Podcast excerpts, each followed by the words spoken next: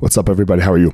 Don't forget to head over to my website, elliottmarshall.com. You can grab all, all of the content that I put out my courses, my book, um, any, uh, my How to Start Your Day um, you can enter into my email list and grab that there.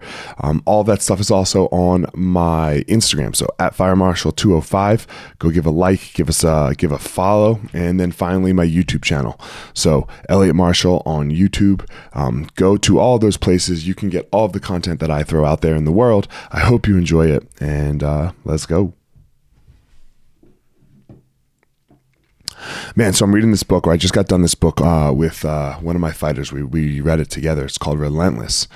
And um, it was by Tim Grover. He actually just put out another book called Winning. And it's, uh, it's all about the relentless mindset of how to become a champion. And there's an interesting part of it, and that interesting part was, you know, he was he was talking about your dark side, like uh, like the the the shit of you, and he was like, everyone has one Everyone has one. Can, do you know it?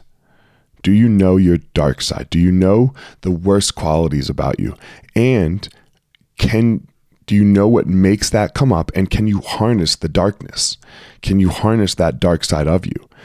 Uh, and when you can, it's amazing right? It doesn't it doesn't take over your life. It doesn't just randomly pop up and you don't know why you're popping off and and acting the way you're acting. You know exactly why. You can actually make it come up when you want to. You can make the qualities of your dark side come while having control for me of him you know? So i i know him. I i get very very close to him. Um I know what that darkness is, and it all stems from anxiety. It makes me uh, very egotistical. It makes me uh, tell people such a, oh, the other things that we talked about this week. Start telling people how great I am, things like that.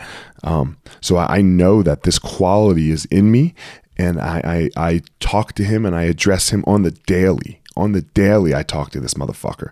So uh, let's get let's get to know our dark sides. Let, let's know where it is you, me, all of us know where you are bad know, know where you're bad. So that way you are aware of him and he can now be, uh, again, there for you. He doesn't happen to you. So there it is, a wrap up of everything that we talked about this week. So, uh, that's it, guys. I hope you had a. I'm sorry, everything we talked about this month. I hope everyone had a great month of July.